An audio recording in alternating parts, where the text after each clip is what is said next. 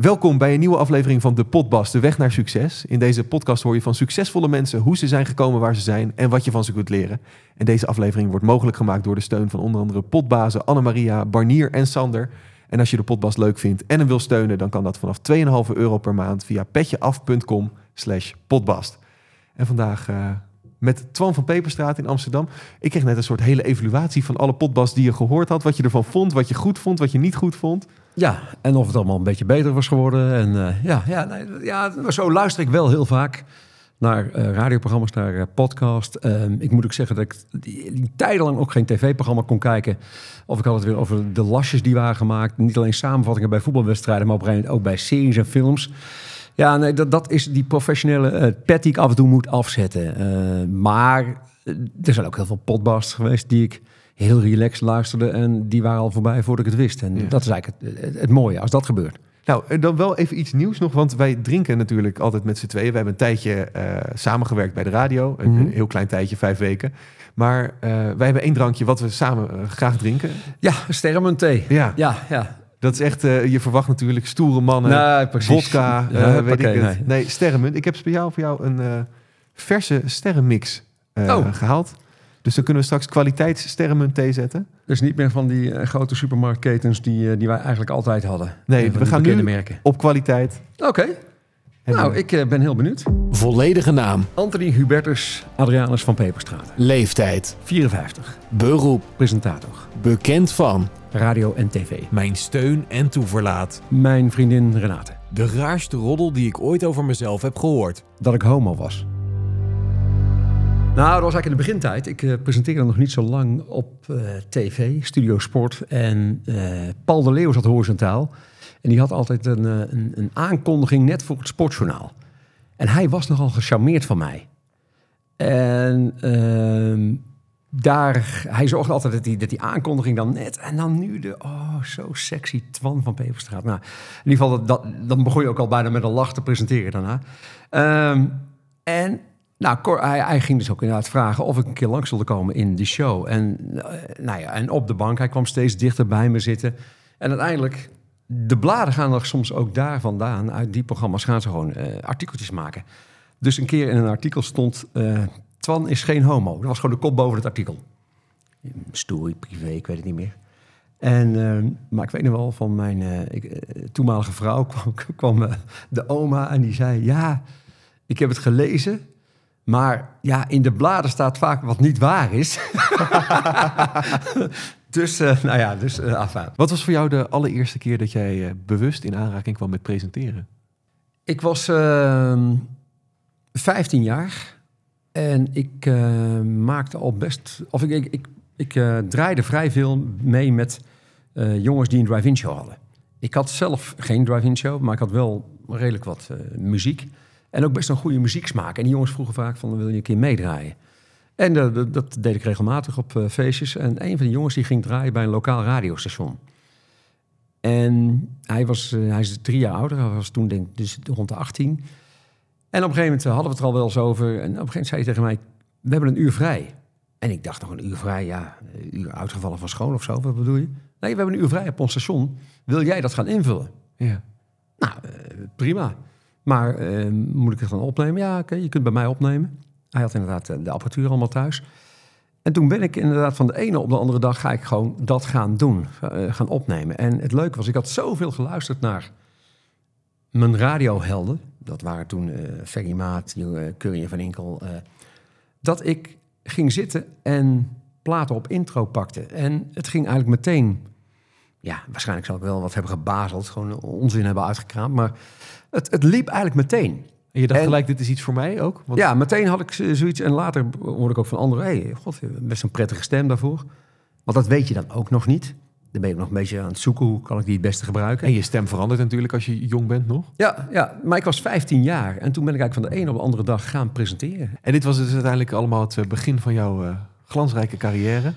Ik heb geprobeerd het samen te vatten. Je bent een luisteraar van de podcast. Wat zit er sowieso in? Nou, je hebt zeker mijn afscheid bij Studio Sport erin gezet. Uh, ik zou niet durven. Ik denk dat je wel bent afgesloten met uh, het meest roemruchte wat ik laatst uh, Veronica, denk ik of niet?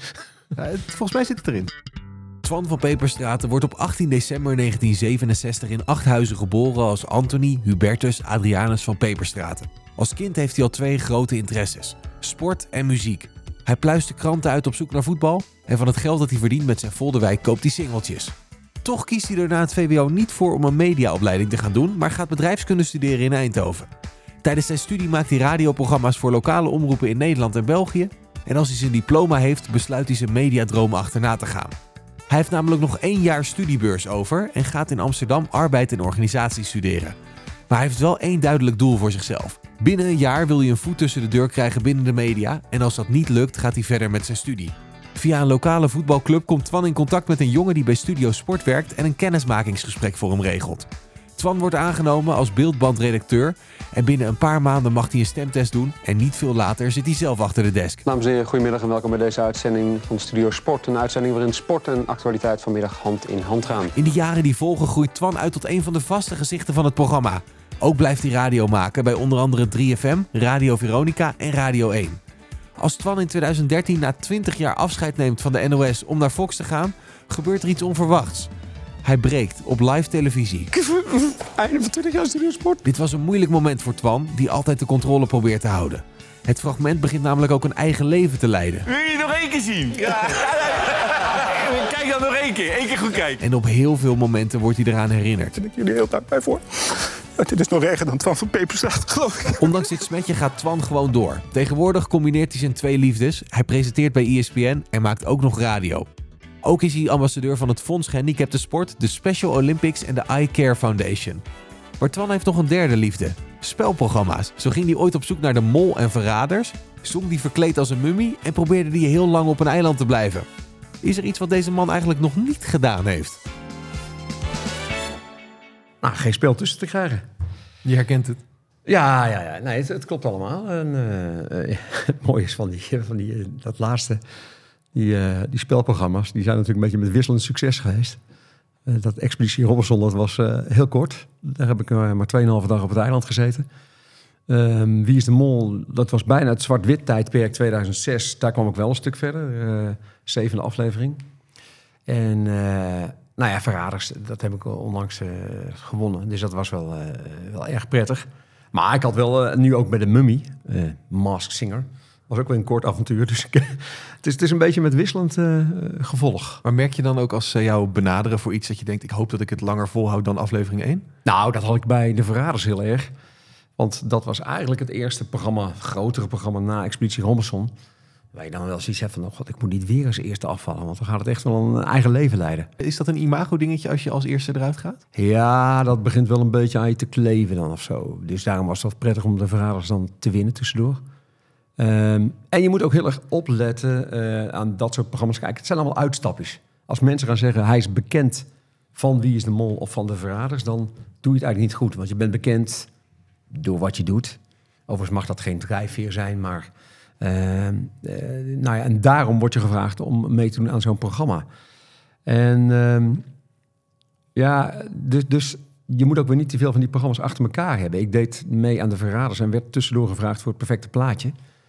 Ehm, wat ik eigenlijk nog wel een van de weinige programma's vind waarvan ik denk, hé, daar zou ik nog wel eh, zo aan mee willen doen. Maar het perfecte plaatje was meteen geprogrammeerd na de Verraders. En dat beeld moeten mensen dan ook niet van je hebben, dat je iedere keer maar nou ja, aan dat soort programma's meedoet. Je kunt ook een handjevol van dat soort BN'ers noemen die eh, iedere keer maar weer aan dat soort programma's meedoen. En waarvan je soms wel eens afvraagt, goh, wat doen ze eigenlijk in het echte leven? Maar voor sommige mensen is dat toch ook hun business? Ja, het is zelfs wel zo erg geweest, kan ik me nog herinneren, dat ik een keer meedeed aan eh, de Nationale Nieuwsquiz. En die hadden toen niet alleen de eindronde, maar die hadden ook tussentijdse rondes. Ehm, maar waar het op neerkwam, ik zat een keer ehm, bij de Nationale Nieuwsquiz, einde van het jaar. En ik zat naast Annemarie Oster, kan ik me nog herinneren. En het was, het was zo langzaam, iedere keer weer een stopje. En, nou, ik, ik, ik- en wij, ik, begon, ik, ik zei dus ook tegen haar. En toen zei zij, nou, het is dat we voor betaald krijgen. En ik was even stil. Want ik denk, hé, hey, ik krijg hier niks voor. En ik ben dus daarna gewoon eens heel tactisch naar productie gegaan van... eh, God, zou het kunnen zijn dat hier mensen zitten van, eh, bij de bekenden... die betaald krijgen en sommigen niet? Ja, ja, eh, ja, lastig. En ik had namelijk even nog geïnformeerd bij een paar andere bekenden... van worden jullie betaald? Nee, wij ook niet. En, ja, er is een poeltje van bekende Nederlanders. met Bart Chabot, Annemarie Oster en Emiel Ratelband. Toen nog tijd. Inmiddels zullen het wel anderen zijn. Die kunnen op het laatste moment nog worden gebeld als er eh, wat mensen wegvallen. En ehm, nou, dat werd een beetje allemaal zo uitgelegd. Ik zei, nou, dat kun je echt niet maken, want dit is echt de, de, de BSC-categorie. En, eh, en eh, nou, ik weet er hier van een paar A- A- A-gasten die er zijn die gewoon niet betaald worden. Het jaar daarna werd ik ook gevraagd voor dat programma. En toen heb ik dit even voorgelegd. Ja, nee, maar iedereen krijgt nu betaald. Toen zei ik, mooi. En ik wil het dubbele. En van het dubbele, dat gaat allemaal een goed doel, goed doel maar ik wil wel het dubbele. Ter compensatie van twee jaar Ja. jaar daarvoor. Ja. En dat is gelukt. Terug naar de kleine Twan. Wat wilde jij worden toen jij een eh, kleine Twan was? voetballer. En ik kan me nog herinneren dat, eh, ja, ik denk dat mijn moeder was. Die zei, ja, maar dan ben je toch op, op een gegeven moment ook heel snel klaar. Ja, maar dan word ik trainer. en, eh, dus, dus dat was wel de eerste droom. Maar goed, daar waren we eigenlijk na een paar dagen al uit. Het gaat hem niet worden. Na een paar dagen al. Ja, het talent eh, ontbrak toch wel om daar heel eh, goed in te worden. Overigens, ja, soms kun je dat wel op basis van, van, je, van je, nou ja, inzet, temperament, weet ik veel, alles, discipline. Kun je misschien nog een heel eind komen, maar was geen optie. En daarna wist ik het eigenlijk niet. En daarom ben ik ook bedrijfskunde gaan doen, omdat ik ook na mijn studie, ja, het liefste was ik radio-dj geworden. Maar er is geen opleiding om radio-dj te worden. Ehm, en het was een leuk, het is toch een beetje Felix Meurders. Ik luisterde zoveel langs de lijn dat ik ook zoiets had. hey, je kunt ook radio-dj zijn en ondertussen langs de lijn presenteren. En wat was dan hetgeen wat je er zo aan trok? Wat, wat, dat je dacht van nou... dat Maar gewoon de snelheid. De, de, de mix ook, omdat je natuurlijk ook daar muziek draait. En ook de spanning. Soms had je wel eens een keer dat je, nou ja, tijdens de muziek... eh, oh, er is gescoord ergens. Dus het feit dat je even weg, weggaat bij die velden... dat er in de tussentijd iets gebeurd kan zijn. Nou ja, en, en toch ook een beetje de magie van radio. De magie van radio is natuurlijk de verbeelding. Beschrijf wat je ziet en iedereen krijgt er een ander beeld bij. Eh, de- en en, en hoe, hoe, preciezer je, het beschrijft, hoe helderder dat beeld wordt. Ja, terwijl ook toen jij tegen je ouders zei dat je eh, dit wilde gaan doen. eh, je hebt wel eens ook in een interview gezegd dat je het wel... eh, dat ze het lastig hadden gevonden waarschijnlijk als je toneelschool was gaan doen. Omdat je voor de zekerheid moest gaan. Ja, exact. En daarom ook die studie bedrijfskunde, die een beetje was voortgekomen uit mijn, eh, ja, uit de, de vakken die ik leuk vond eh, op de middelbare school. Maar ehm, nee, da- daar hadden mijn ouders die, nou ja, toch wat meer voor de zekerheid waren, niet achter gestaan. Maar wat vond je daarvan? Want je hebt veel... We leven nu ook in een tijd dat je moet je kinderen vrijlaten. eh Toen werd je ook anders opgevoed. Meer voor de zekerheid gaan. Ik denk dat er, kijk, er zijn nu ook veel en veel meer opleidingen. Ik denk voor iedere vak wat je misschien later zou willen gaan doen, er bestaat nu al een specifieke opleiding voor. Vroeger was dat niet zo. En ho- hoor opa praten.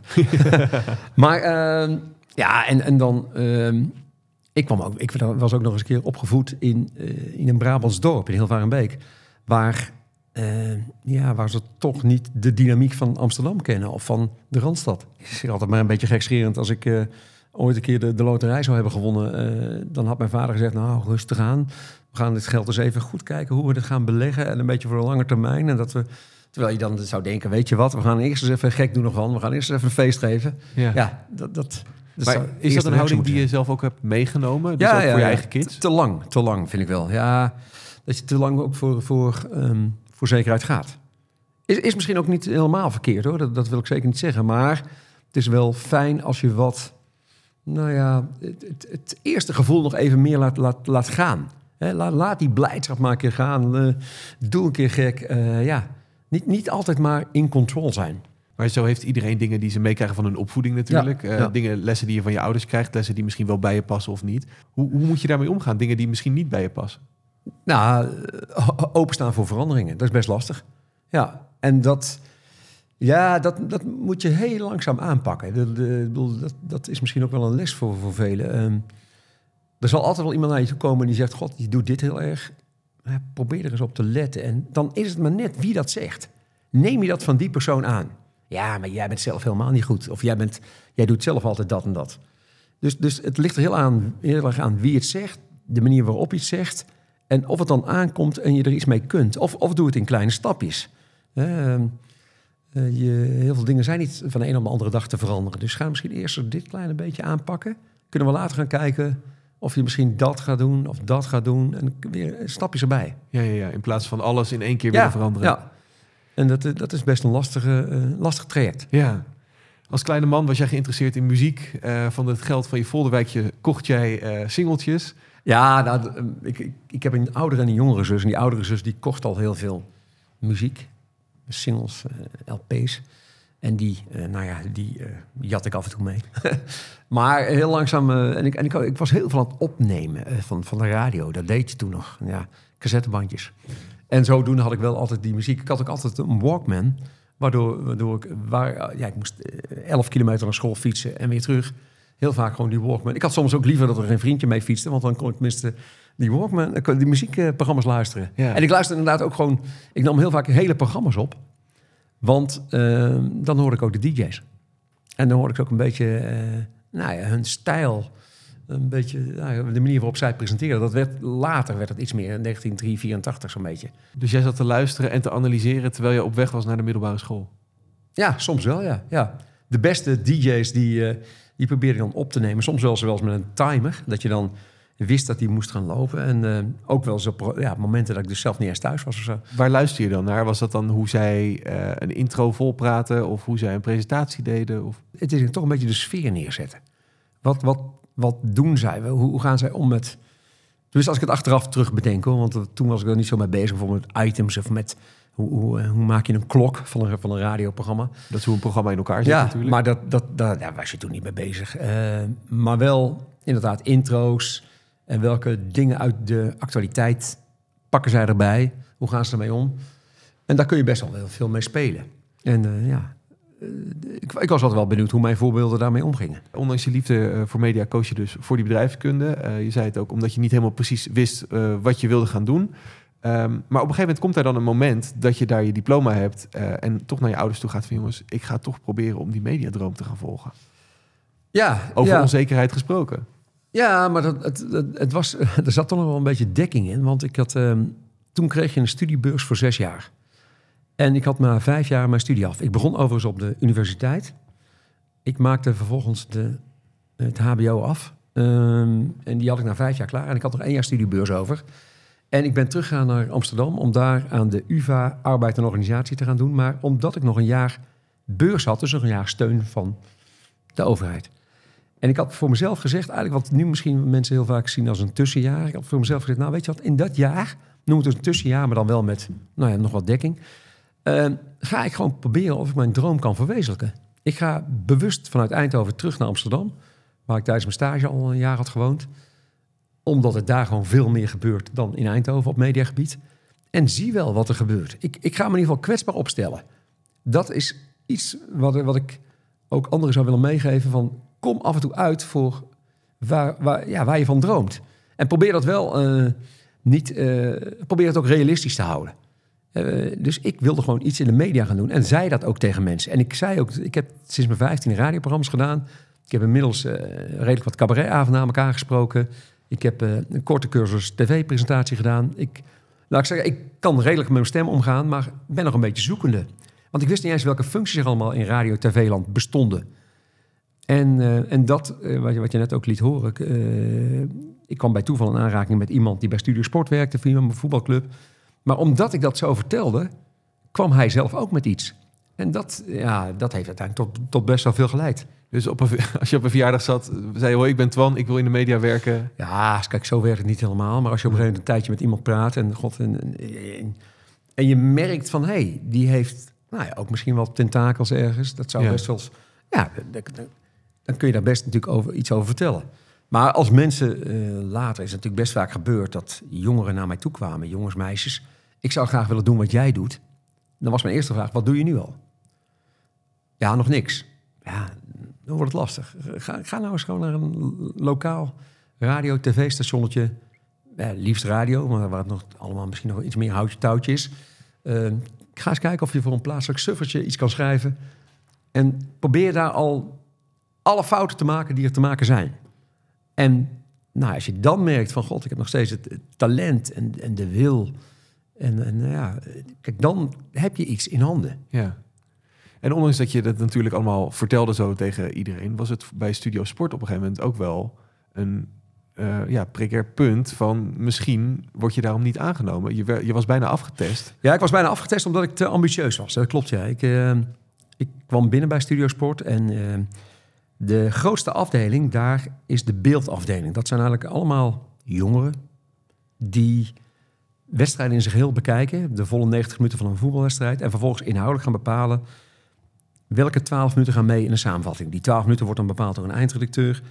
Dus je bent die hele wedstrijd ben je, eh, aan het schrijven. Je maakt aantekeningen tijdcodes. eh, een mooie aanval, eh, die minuut, die seconde, duurt zo lang. Nou, het was echt een aanval die moet mee in de samenvatting. Daar moeten twee herhalingen van mee. Ehm, vervolgens heb je nog een keer een, eh, een, een- een- iets wat gewoon belangrijk is voor de wedstrijd. Een bepaalde ploeg voetbalt heel goed, maar komt niet tot kansen. Moet je ook eens een keer laten zien dat ze zich iedere keer stuk lopen op de goede verdediging van de tegenpartij. Nou, in ieder geval, dat, die, die afdeling is het grootste bij Studio Sport. Daarvoor bestaat geen specifieke opleiding. Het zijn vaak jongens, meiden die van of journalistiek komen... of van de eh, lichamelijk, eh, opleiding eh, lichamelijke opvoeding. Ehm, of het zijn gesjeesde studenten. En, ehm, nou ja, en daarvoor kwam ik ook in aanmerking. En daar werd ik eigenlijk verder rest nog intern opgeleid. Maar omdat ik best ambitieus was, dat ik zei... nou ja, ik wil uiteindelijk misschien wel commentator worden Ja. misschien wel presentator, ik weet het niet. Hadden zij zoiets, ja, dan kunnen we jou wel intern helemaal gaan opleiden. Maar eh, straks kun je iets en dan eh, ben je alweer eh, naar een, aan de volgende stap toe. Wat in praktijk ook gebeurde, maar... Maar dat- werkte jou dat ook tegen op een gegeven moment? Dat, dat ze dachten, och, die gast die, die ziet zichzelf wel zitten hier. En Nee, nee, nee, want ik was eigenlijk vrij... Toen ik eenmaal daar binnen was bij Studio Sport... toen dacht ik ook, oeh, er komt er eigenlijk wel heel veel bij kijken... om uiteindelijk nou ja, op die presentatiestoel te komen.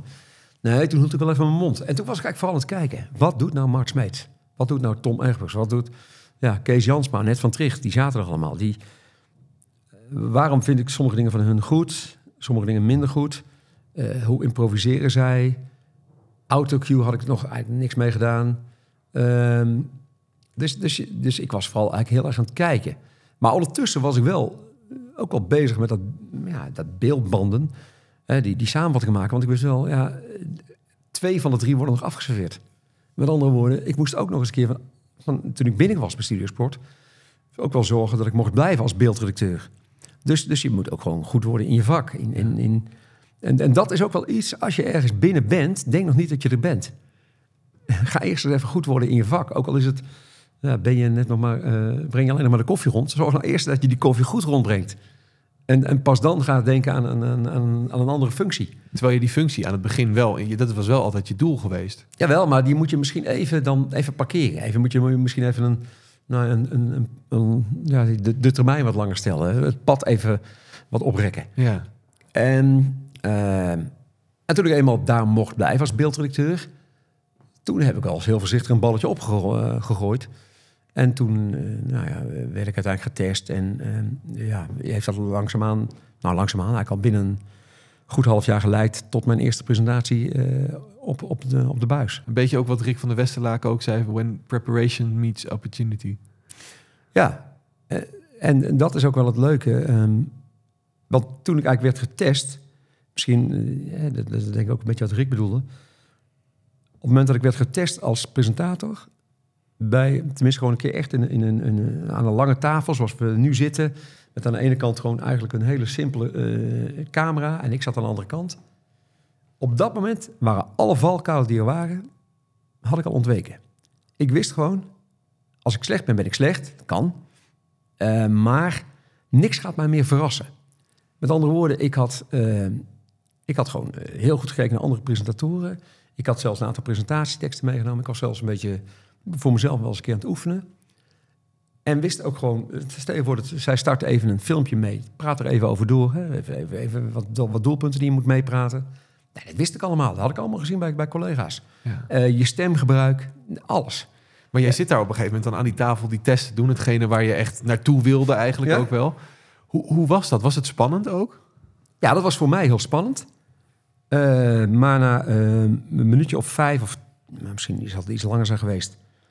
Toen is degene die met mij testte, dat is de onlangs overleden Heinze Bakker, die liep even weg en die is binnengelopen bij de toenmalige baas Kees Jansma. En die zei: Dit is echt de beste in jaren, die, moeten we morgen op, die kunnen we morgen op de buis zetten. Ja. En dat Alleen dat hoorde ik pas een jaar, twee jaar later, dat hij dat ooit had gezegd. Want inderdaad, wij gingen door met die... die eh, nou, we, lasten even een pauze in, we gingen weer verder. En Kees Jansma komt even om de hoek kijken. Nou, toen werd ik wel wat zenuwachtig. Toen versprak ik me twee, drie keer. En... eh, ja, goed, en, en, eh, en, en toen eh, heeft het nog wel even geduurd, nog wel een anderhalve maand of zo, voordat ik echt iets, eh, iets ben gaan doen daar bij Studio Sport. Maar ja, toen ben ik heel langzaam opgeleid. En toen heb ik nog wel een fase gehad. Eh, vanuit mijn radioervaring kon ik best wel wat improviseren. En ik werd heel vaak, deed ik uitzendingen, gewoon een tennispartij aan of afkondigen. Eigenlijk heel simpel. Zo Ja. begin je gewoon. Tekstjes van 20 seconden per stuk, 40 seconden in totaal. Nou, dat wordt lang, langzaam iets meer. Er komen wat samenvattingen tennis bij. Er komen wat, wat eh, wielerwedstrijden bij. En het ging allemaal best wel goed. Zonder autocue. Gewoon, gewoon vertellen. Dames en heren, goedemiddag. Welkom bij Studio Sport. En dat. Maar dan groei je door en dan kom je uit bij de sportjournaals. En die sportjournaals zijn met autocue. Omdat alles gewoon strakker getimed moet zijn. Die teksten moeten precies 20 seconden zijn. En nou, alles bij elkaar opgeteld is dat hele sportjournaal een bepaalde lengte. En autocue en lezen, nou, dat waren geen vrienden van mij. Dat ging echt moeizaam. En het gekke is, dat heb je soms wel eens een keer als je presenteert, als je een tekst moet vertellen. En je verspreekt je een keer, dan denk je meteen, nou, hé, hoe kan het nou dat ik me nu verspreek? Ik heb het net geoefend, het ging hartstikke goed. En je verspreekt je prompt nog een keer. Nou, en als het een beetje tegen zit, nog een keer. En dat heb ik een fase gehad. En dat ik echt dacht, ja, ik word ieder moment van de buis gehaald. Ja, ik kan het niet meer. Nou ja, ik, ja, ik kan het niet meer. Nee. Ik, ik, ik, eh, maar ook dat, dit valt niet alleen mij op. Dit valt ook de kijkers op. Dit valt ook de leiding op. En die leiding zullen echt op een gegeven moment zeggen... nou, wat vind je er zelf van? Maar hoe ga je daarmee om op zo'n moment? Want dat, dat Ja. kan enorm in je hoofd gaan zitten natuurlijk. Ja, dat zal het ook. En dat is... ehm, ja, dat, dat, je gaat dan extra voorbereiden. En, ja, het werkt dan eigenlijk ook weer niet. En ja, heel langzaam heb je dan eens een keer dat je denkt... hé, hey, volgens mij had ik nu best een uitzending die best goed liep. En er ging weinig fout. Ja, wacht even. Die vorige ook al. Ja, en zo kom je langzaam uit dat dal. Want hoe ga je ermee om als zoiets eh, daadwerkelijk in je hoofd zit? Of destructieve gedachten, zeg maar, van oh, zie je, het gaat weer fout. Of eh, ik denk dat veel mensen aan het begin van hun carrière dat ook hebben. Als je nog niet heel zeker bent over wat je kan, over wat je doet.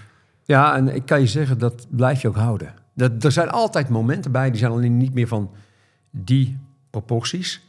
Maar er zijn altijd momenten bij van onzekerheid. Van eh, wat ik doe, kan iedereen. Ja. En Rick had er ook een mooie naam voor. Eh, De imposter syndroom? Ja, Dat je bang Ja. bent dat ze Ja. ontdekken dat je eigenlijk helemaal niks kan. ja, ja, ja.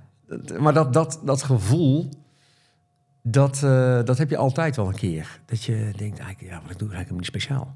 Ja, dan kun je beter misschien heel goed zijn in iets.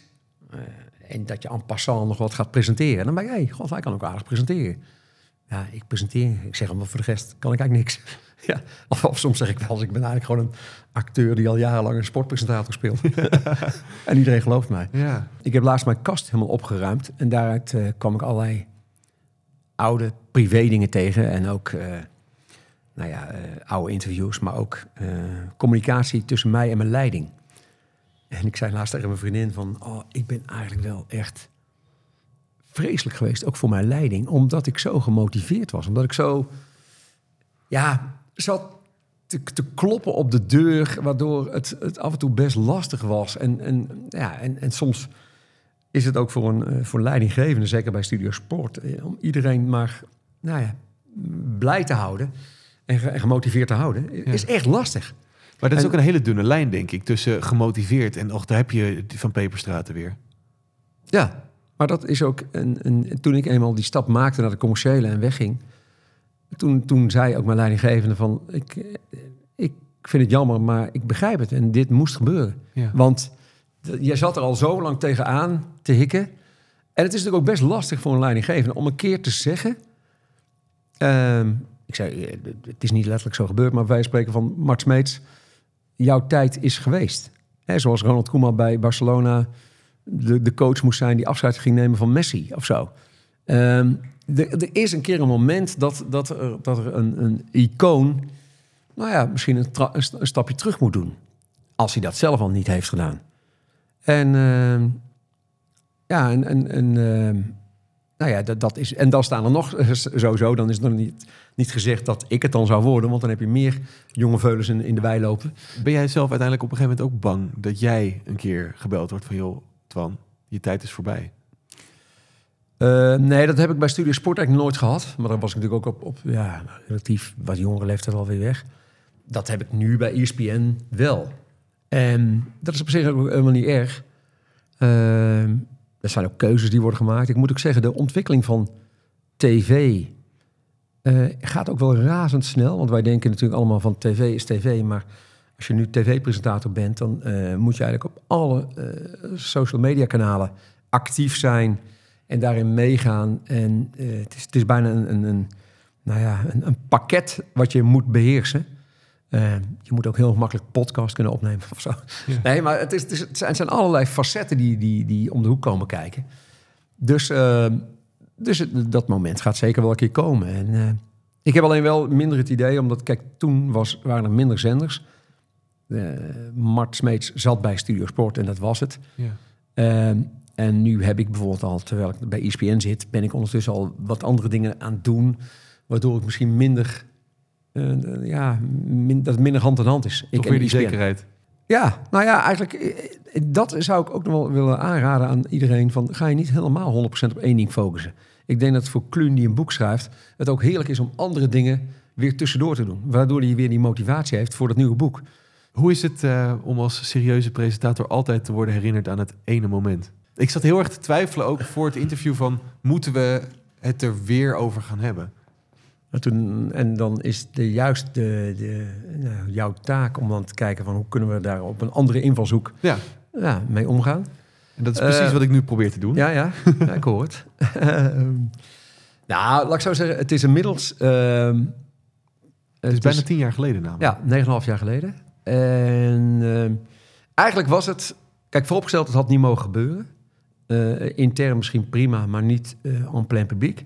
Uh, eigenlijk had ik er zelf al een beetje erg een gimmick mee willen maken, maar eigenlijk was VI mij voor, om het zo te zeggen, en die mannen waren toen onaantastbaar. Dus het ging een beetje een eigen leven leiden. en inmiddels, het klinkt heel raar, heeft het iets van een, een beetje een, nou, cult is niet het juiste woord, maar wel een, een, iets gekregen. Het feit natuurlijk dat Jan de Hoop daar ook zelf aan refereerde. Uh, maar dat het, uh, uh, het heeft nu wel een soort signatuur aan mij gegeven. Er zijn, ehm, ik denk dat er nog niet één op de tien presentatoren een bepaalde signatuur heeft, dat je meteen weet eh, wie is het. en dat heb je nu bij mij wel. Ja, dat klinkt heel lullig. En het is natuurlijk niet een, meteen in eerste instantie een positief iets. Maar het is wel iets uh, waardoor iedereen wel weet wie ik ben. Ja. Maar het is ook voor, voor 30 seconds zat, zit ik al een aantal jaren in. Oh ja? Omdat ik, ik vermoeden heb dat als je het op die manier uitbeeldt, dat iedereen wel gelijk weet, hé, hey, dat is Twan. Maar eigenlijk moet je soms ook wel van iets nou, laten we zeggen, een negatieve ervaring moet je kijken of je daar toch iets, misschien iets positiefs van kunt maken. Maar de, de zwaarte die het gekregen heeft in de loop der jaren, het is echt alsof jij iemand op zijn bek hebt geslagen op live televisie. Dat ik echt denk, waarom is dit zo'n ding? Ja, maar dat kwam door VI. Want en, en, en het geinig was zelfs, ik hoorde onlangs van iemand die zei, eh, zei bij Media Insight. Ja, dus zeiden ze dat het niet meer gebruikt mocht worden. Ja, en terwijl ik daar zelf niks van weet. Ik, ik was wel verbaasd dat toen VI dat zomaar kon gebruiken. Maar, en later hoorde ik dat dat eigenlijk helemaal niet zomaar mocht. Dat ze er zelf voor moesten gaan betalen. Maar dat ze bij VI nog zoiets hadden van, nou weet je wat, uh, uh, dan, dan doen we dat. Als we dat, ja, als we het willen gebruiken. Zoveel lol hadden ze erom. Ja. En kijk, en dat was ook een, een tijd die was niet gunstig. Want die, ik had net die overstap gemaakt naar Fox Sports. En wij, bij Fox hadden alle rechten van het Nederlandse voetbal. En dus ook de sublicenties, zoals het dan heet. De, de kleine rechten van, van, eh, nou ja, van een paar minuten per wedstrijd, ja, per, per, per weekend. Die hadden wij ook in eigen beheer en die wilden we ook houden. En die mocht VI niet meer gebruiken. Dus zij waren ook ons een beetje aan het zoeken om, om kleiner te maken. En uh, ja, dus dat, was, dat kwam allemaal een beetje bij elkaar. Waardoor zij natuurlijk lekker uh, konden fitten op, ja. uh, op toen op Fox en op mij. Heeft het ook jouw jouw visie op VI veranderd? Als zeg maar, stel dat het iemand anders was geweest, had je dan ook meegegrinnikt? Nee, nee, want ik had daarvoor al heel lang dat ik eh, dat zij eh, wel ontzettend aan karaktermoord deden. Ja. Ik, ik hoorde in stadions al veel te lang exacte teksten die Van der Grijp zei. En dat ik echt dacht van, ja, je weet helemaal niet wat je zegt. Die, die waren dan altijd eh, bepaalde, bepaalde voetballers aan het lachen. En dat werd overgenomen in de stadions. Ja, En ik dacht van, jeetje, dat is, het, is, het is allemaal napraterij. ja. En dat, dat is wel iets wat, wat soms wel eens gevaarlijk is, ja. Wat mijn moeder ook altijd zei met pesten, maak er zelf een grap van, want dan is het niet meer leuk voor de rest. Ja, nou ja, dat is wel iets. Want dat, dat is namelijk iets. Ik, ik, ik kan best wel zeggen dat ik redelijk wat humor heb. En bij humor hoort zelfspot. En dat heb ik. Ja. En, dat, en dat werd eigenlijk een beetje, de, eh, wat, ik, wat ik net zei, dat werd een beetje weggenomen door dat er al zoveel grappen over werden gemaakt. Want anders had je zelf met die spot kunnen beginnen. En dan was je eigenlijk zelf, zelf degene die het hardst om lachte. En, eh, dat heb je soms ook wel eens mee. Bij, eh, nou ja, ik ben ook een aantal jaren, vond ik zelf al eh, een paar kilootjes te dik geweest. Te zwaar. Nou ja, ik, laat ik zeggen, ik baalde ervan. Maar door er zelf al over te beginnen... Ik heb mezelf gewoon heel vaak de, de bijnaam Bolly gegeven. En nou ja, dan had, was, eigenlijk was het daarmee eigenlijk de kous af. Omdat ze, andere mensen kunnen niet iets anders nog Nee, maken ervan. nou, het zal een beetje dik geworden. of Zo. Nee, nee. Meldt zich alweer hoor. ja, ja. Op dit moment is het eh, WK voetbal bezig in Qatar. Eh, van Gaal eh, is een van de, de mensen die, eh, nou ja, die veel interviews geeft waar mensen ook van smullen. Maar voor journalisten een ramp om te interviewen, heb ik soms het idee. Hoe zijn jouw ervaringen met hem? Nou, die heb ik tal van ervaring gehad. En het was nog een eh, tijd dat het ook wel echt ehm, moeizaam was met Van Gaal. Ehm, nou, kijk, Louis van Gaal ziet ieder interview als een wedstrijd. En die wedstrijd wil hij winnen. Ja. En dat is heel gek, want er zijn soms gewoon momenten bij dat je alleen maar tekst en uitleg wil hebben. En, ehm, maar, eh, ja, die- da- en dat betekent ook heel vaak, hij wil de bal terugkaatsen in een wedstrijd. In de hoop dat jij dan eigenlijk nou, uit het veld geslagen bent. En daarvoor moet je altijd iets in je achterzak houden. Eh, dus, dus, dus, dus bij wijze spreken een, open vraag, daar is hij zelf al een beetje verbaasd over. Eh, Stel je voor, Van Gaal heeft net eh, verloren. En, en je vraagt toch een beetje, God, ja, wat, wat vond u ervan? Dan is hij eigenlijk, dan, dan, dan, dan moet hij zelf eigenlijk de- het initiatief nemen. Op het moment dat jij zegt, ja, je laat je vraag al een beetje een, een doorschemeren van, het, het was niet best. Eh, Wat, wat vond u er zelf van? Ja. Dan heb je al iets gezegd. ja. Oh, dus jij vond het niet best. Maar jij vond niet dat zij ontzettend veel geluk hadden en wij heel veel pech met de afronding. En snap je, dan gaat hij meteen al terugkaatsen. Terwijl je eigenlijk eh, wil weten gewoon van, ja, eh, u bent de coach, u heeft eh, de- deze tactiek gekozen. Eh, waarom? En heeft hij gewerkt. En Ja. eh, eh, dat heb je toch zelf kunnen zien. Je hoort het hem zeggen. En da- daar moet je altijd wel een beetje op voorbereid zijn. Dus iets in je achterzak houden, waardoor je nog even, eh, nou ja, even er- erop door kunt gaan. En wat zou dan de achterzak in deze zijn geweest? Stel je zegt het was niet best, eh, wat vond u ervan? Hij zegt, Nou, dat- dat je eigenlijk, dus, dus eigenlijk nog beter prepareren bij zo'n interview. Van, nou, zij begonnen in een 4-3-3 opstelling en die vrije man op het middenveld, daar kregen jullie toch heel weinig grip op. Dan kan hij niet anders dan daarin meegaan en laat hem dan even vertellen van, ja, dat signaleren wij ook en dat hebben we probeer, geprobeerd op die manier op te lossen. En ehm, ik, ja, ik, ik heb een paar keer Van Gaal geïnterviewd en dat, dat zijn ook wel weer van die momenten ik kan me nog herinneren, een uitwedstrijd. AZ had net verloren in Bremen. En wij hadden afgesproken, meteen na de wedstrijd zou ik de aanvoerder krijgen. We zouden naar de reclame gaan. We zouden terugkomen eh, bij mij op het, op het veld. En dan zou Van Galen pas staan. Dat zou dus eigenlijk gewoon pas een minuut of tien na afloop van de wedstrijd zijn. Dan is alles al een beetje gezakt. Eh, de, de, de, de, hitte van de wedstrijd is eruit. Van Gaal staat vijf seconden na het laatste fluitsignaal staat hij bij me. En dan is er geen field producer geweest, geen eindredacteur die heeft gezegd: nee, nee, eh, meneer Van Gaal, nog even een momentje. Eh, wij hebben u straks over tien minuten pas nodig. Nee, want daar staat Van Gaal en die ga je niet afwijzen. Dus Van Gaal komt meteen, huppakee staat hij, nog voor die aanvoerder. En ik sta daar zonder monitor. Ik heb zelfs de wedstrijd ook moeten zien zonder afkijk, zoals het dan heet. Dat, ik heb niet kunnen in herhaling kunnen zien of het dan wel of geen hensbal was. Van Gaal zelf ook niet. jij zat gewoon in het stadion eigenlijk. Nee, dus al die hitte van die wedstrijd kwam eruit. Ja, En dan, en dan niet één keer een eindredacteur die op, op die wedstrijd wel eh, heeft kunnen zien op een monitor, de herhaling heeft kunnen zien, die op mijn oortje zegt van eh, die bal is inderdaad eh, niet met de hand aangeraakt of het was inderdaad een overtreding. Dus je voelt je ook niet eens gesteund. En dat zijn wel momenten geweest dat je denkt, god, ik moet hier nu even voor, ja, laat ik zeggen, het is mijn taak als presentator. Ik ben op de buis, daar heb ik zelf voor gekozen. Ik krijg alle eh, positieve geluiden te horen op het moment dat het helemaal fijn en, en, en goed verloopt. Maar nu moet ik ook alles incasseren. Ja. Dus je bent op dat moment even, ook voor die eindredacteur, voor die field producer, weet ik veel wat. Iedereen die even dacht, oh meneer Vergaal, die ga ik niks eh, doen. Eh, ik moet het even incasseren allemaal van Vergaal. En ja, en dat is wel eens heel lastig geweest. Ja, daar heeft hij mij echt wel, ja. eh, en, en zelfs daarna, want dit werd zelfs een, een landelijke discussie toen ook nog, in alle kranten. Hè, hoe Van Gaal eigenlijk mij ja, vreselijk aanviel. En ik, ik zeg maar even, een derde vond het, eh, vond het ik, eh, nou ja, ja, ik moet het anders zeggen. Twee derde vond het echt belachelijk wat Vergaal deed. Ja. En een derde stond, eh, ja, had advies van, nou, Twan had beter zich moeten voorbereiden. Toch vond ik nog steeds, ik had me beter moeten voorbereiden. Dat had moeten gebeuren. Ja. Ik had niet, ja, eh, eigenlijk, ja, het is ook een beetje als Vergaal komt. Ik was zelf ook nog twintig jaar jonger. Eh, de, de repliek, de, de, het, eh, de, de, je moet daar toch nog meer body dan tegenover zetten. Je moet dan ook af en toe die aanval durven zoeken. Hoe dealt Twan van Peperstraten met kritiek?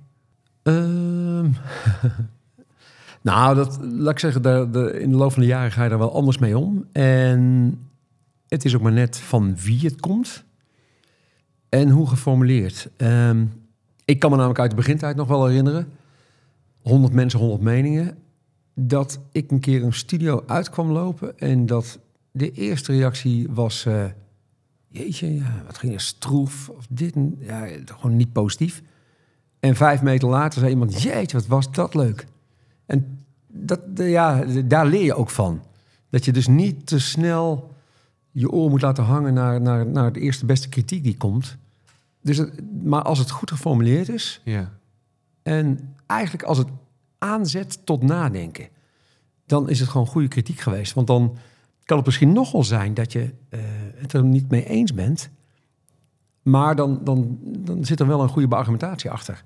Het is af en toe wel lastig, ja. En, en wat ik, ik, er is ook kritiek geweest wat absoluut hout sneed. En dat je denkt, ja, moet ik toch eigenlijk wel iets mee gaan doen. En wat voor dingen waren dat bijvoorbeeld? Nou, kijk, het, het, het grappige is eigenlijk bij mij als presentator... is dat ehm, niemand zal na één uitzending, als hij mij hoort of ziet, zeggen... jeetje, dat is een goede presentator. Wat echt fantastisch. Dat zal niemand zeggen. Bij mij moet je het hebben van de langere termijn, de lage irritatiefactor... en dat je na een aantal uitzendingen zegt... hé, hey, ik vind hem eigenlijk best wel oké, wel, wel prettig. Hij stoort mij niet. Hij, ik vertrouw hem. Ik, eh, en dat je daar eigenlijk een beetje de waardering uithaalt. Het gevaar zit er een beetje in als je, dat je daardoor ook nou, een woord als saai of ja, nou, er mag wel iets gebeuren, Ja. ligt op de loer. ja, omdat het gewoon heel stabiel is. Het is stabiel, maar soms zelfs te stabiel. Dus dat is een beetje wat, eh, ja, eh, het positieve, maar ook een beetje het negatieve. En hoe kun je daar als jonge carrièremaker het best mee omgaan als je kritiek krijgt? Want je zei net, zoveel mensen, zoveel meningen. De een vindt het leuk, de ander vindt er niks aan. Hoe bepaal je wat de waarheid is? Nou, laat die kritiek, kritiek allereerst niet komen van mensen uit je inner circle. Want dat zijn mensen die meepraten. En dit zijn mensen die eigenlijk al te veel in jouw gedachtegang zitten. Dus, ehm, nou, laat het vooral... eh, of gooi het zelf een keer op. Eh, dat je een keer met de anderen wil gaan praten. En, en, laat ze dan maar eens een keer eerlijk... Nou, ga misschien maar eens een keer helemaal met iemand zitten... waarvan je weet, die laat het achterste van zijn tong zien... en jij bent er ook helemaal klaar voor om dat te incasseren. Eigenlijk ben je gewoon, ja... Ik, ik heb nu ook bijvoorbeeld met een... eh, ik, er wordt wel eens aan, door jonge commentatoren aan mij gevraagd... God, zou je hier eens naar willen luisteren? Of soms kom ik ook wel eens een keer van... God, sta je ervoor open? Nou, eh, nou, en dan geef ik mijn bevindingen. Ik heb op dit moment eigenlijk met een wat ervaren commentator... heb ik zoiets van, oh... Het liefst zou ik nu eigenlijk met hem in een hokje gaan zitten... en zou ik ehm, eigenlijk hem eens goed de waarheid willen vertellen... en dat hij eigenlijk misschien weer opnieuw moet gaan beginnen met bouwen. En het is een jongen die al gaat, die gaat al 15, 20 jaar mee. En toch, toch heb ik zoiets, oh nee, en kom op hé. En, en, snap je, en, maar, en dat zullen misschien anderen ook wel eens met mij hebben gehad. Dus, dus, dus ik denk wel dat je er... Ja, van wie het komt en ook het moment. Ja. Ja, als je net uit een uitzending komt en je voelt zelf ook wel, die was niet goed. En iemand zegt, ja, het was niet goed. Ja, dan denk ik, ja, kom op. Hè. Dat, dat zie ik zelf ook wel. Kom op. Ja. Ja. En dan wel iets gedetailleerder, maar Maar je hoort dus dat er oprechte interesse ook is van om jou te helpen groeien in plaats van alleen maar het neer te sabelen. Ja, dan is- exact. Dat is het eigenlijk vooral. Van, van, eh, en, en want, want kritiek, laten we wel wezen, is natuurlijk vooral omdat je misschien wel weet dat die persoon eigenlijk beter kan. ja. Ehm, ja, ja, de kritiek kan natuurlijk ook zijn van het wordt nooit iets met jou. Maar ja, maar, maar laten we daar niet van uitgaan. Het staat juist En daar kun je ook te niet leren. zoveel mee. Nee, nee. Dus de- om, om je verder te helpen. Of misschien kan het ook wel zijn dat in, in de loop van tijd dat je ziet van hé, hey, die persoon die kan zich misschien beter daarop gaan richten. Want dat, ja, dat, dat zie ik hem zo doen. Maar waar hij zich nu op focust, ja. ik weet het niet. Iedere aflevering eh, wordt mogelijk gemaakt door de potbazen, de donateurs van de potbast. Ehm, deze aflevering onder andere door Annemaria, Barnier en Sander. Eh, zij steunen de potbast eh, en ze mogen dan ook een vraag aan jou stellen. Ze wisten dus als eerste dat we hier eh, bij jou zouden zitten vandaag. En er, er zijn twee vragen in- ingestuurd door potbazen. Mocht je ook potbaas willen worden, dan kan dat vanaf 2,5 euro per maand via petjeaf.com slash potbast. En de eerste die komt van Ruben. Hoi Twan, het lijkt erop dat Matthijs en de laatste afleveringen van de Top 2000 niet af zou kunnen maken. Nu heb jij in het verleden een radioprogramma gemaakt met Leo Blokhuis, waarbij je college gaf over muziek. Dus zou jij misschien kunnen vervangen? Nou, het is grappig dat, je, dat deze vraag komt van Ruben. Want dit is echt het programma wat ik het allerliefste zou doen. Ik zou het morgen willen doen. Ik, eh, ja, dit eh, heb ik eh, jarenlang op mijn lijstje staan. Ik ben alleen heel klein beetje bang dat ik te veel Matthijs van Nieuwkerk zou imiteren. Omdat ik namelijk vind dat hij het ook echt goed doet. Ik vind dat hij dat heel soepel doet. Eh, ik vind het ook eh, qua vibe een geweldig programma. Het is ook een van de weinige programma's die ik ook gewoon eigenlijk allemaal weer even terugkijk. Want ik zal weinig echt tussen 7 en 8 het live zien. Maar eh, nee, dat, dat is een ideale mix om iets te doen met muziek op tv. eh, wat snelheid heeft. eh, waar ik ook, nou ja, het, het is zo binnen mijn comfortzone. Ja, Dus graag. Heel, heel, heel graag. Dus eigenlijk zat jij een beetje in de handjes te wrijven toen het nieuws... eh, Nou, nee, nee. Ik heb nog even over nagedacht. Moet ik eh, Leo nog even een appje sturen? Eh, of, of wat andere makers. Eh, maar ja, ik, ik, ik, ik zit op dit moment niet bij de publieke. En eh, zij willen dat ook zien als een verlengstuk van de top 2000. Dus ik zou het best logisch vinden als dat een, eh, een, een jongen wordt... of een meisje van, de, eh, van Radio 2. Maar als jij wordt gebeld, zeg je geen nee. Ik zeg zeker geen nee. Nee, nee maar die kans is, eh, is niet heel. Dag Twan, mijn naam is Rick Ros en ik heb een, eh, een vraag voor jou. Je hebt meegedaan aan meerdere programma's. eh, Expeditie Robinson, eh, Wie is de Mol, ehm, De Verraders. En waar ik benieuwd naar ben, dat zijn toch programma's waarin je jezelf tegenkomt. Ehm, waarin je dingen van jezelf ziet of leert die je eigenlijk nooit, eh, nooit had verwacht. Of waarvan je niet wist dat dat ook in je zat. Hoe ben jij zelf veranderd na die programma's ten opzichte van daarvoor? Is een beetje verschillend. Ehm, bij Expeditie Robinson was ik op voorbereid. Omdat ik al had gehoord dat er de grootste uitdagingen die in het programma zouden zitten... zou niet alleen zijn weinig eten, weinig slaap.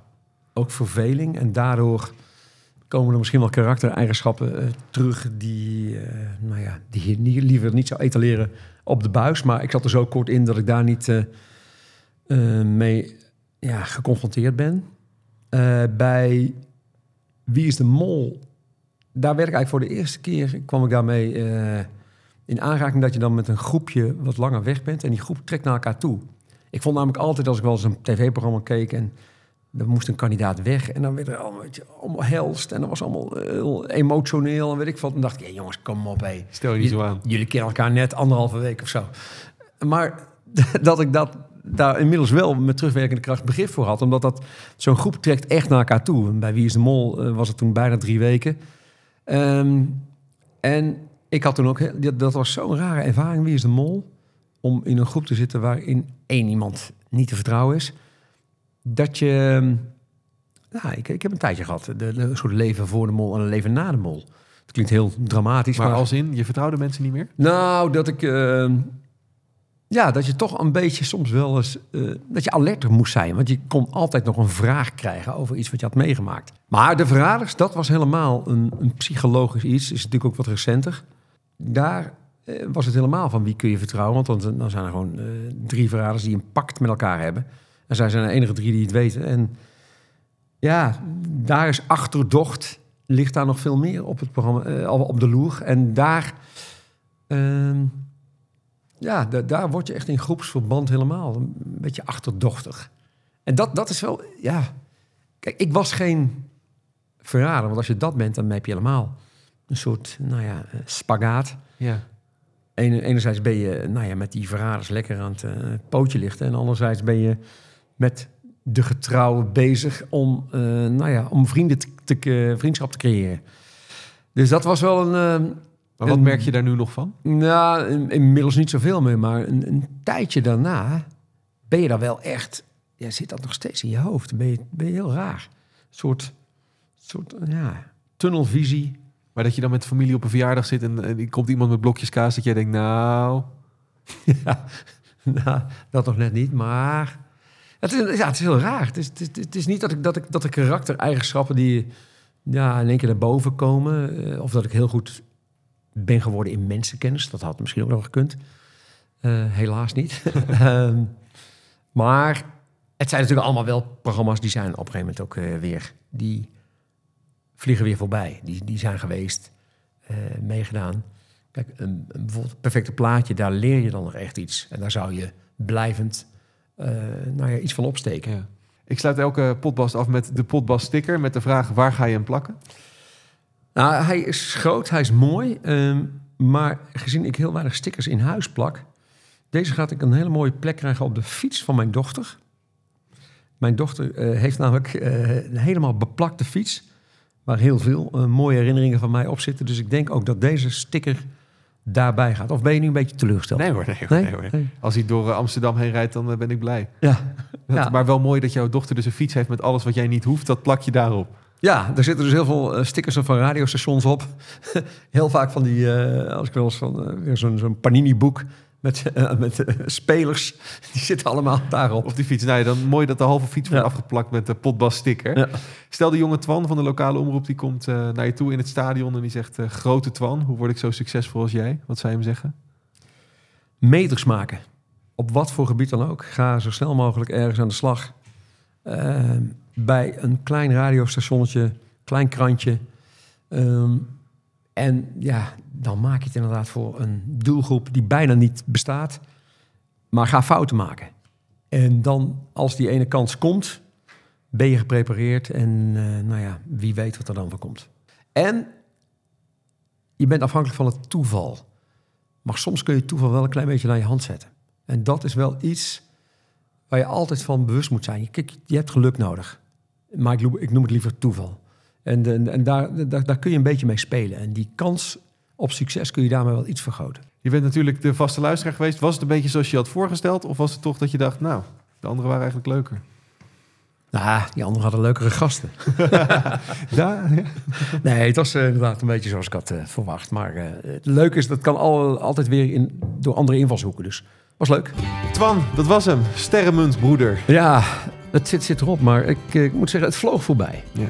Kunnen we eindelijk aan de sterrenmunt. zo- Wat is er nou eigenlijk... Wat, wat vind jij nou zo lekker aan sterrenmunt? Ja, dit wordt in één keer Libelle TV. Maar Ja, jezus man. Eh, nou, het heeft ook wel iets zoets. Iets, iets, eh, en het leuke is, het zakje kan erin blijven. En dat, dat maakt het ook weer gemakkelijk om te drinken. Dus dan hoef je niet een apart bakje te hebben waar het zakje weer in moet. zullen we gewoon binnenkort een keer een potbast over sterrenmunt gaan maken? Er zijn grenzen. Dacht Goed. het niet. Ik hoop dat je genoten hebt van het gesprek. Eh, als dat zo is, abonneer je dan vooral op het eh, platform waar je nu kijkt of luistert. En dan krijg je alle volgende gesprekken ook eh, automatisch binnen. Twan, dankjewel. We'll keep in touch. Is dat een dreigement?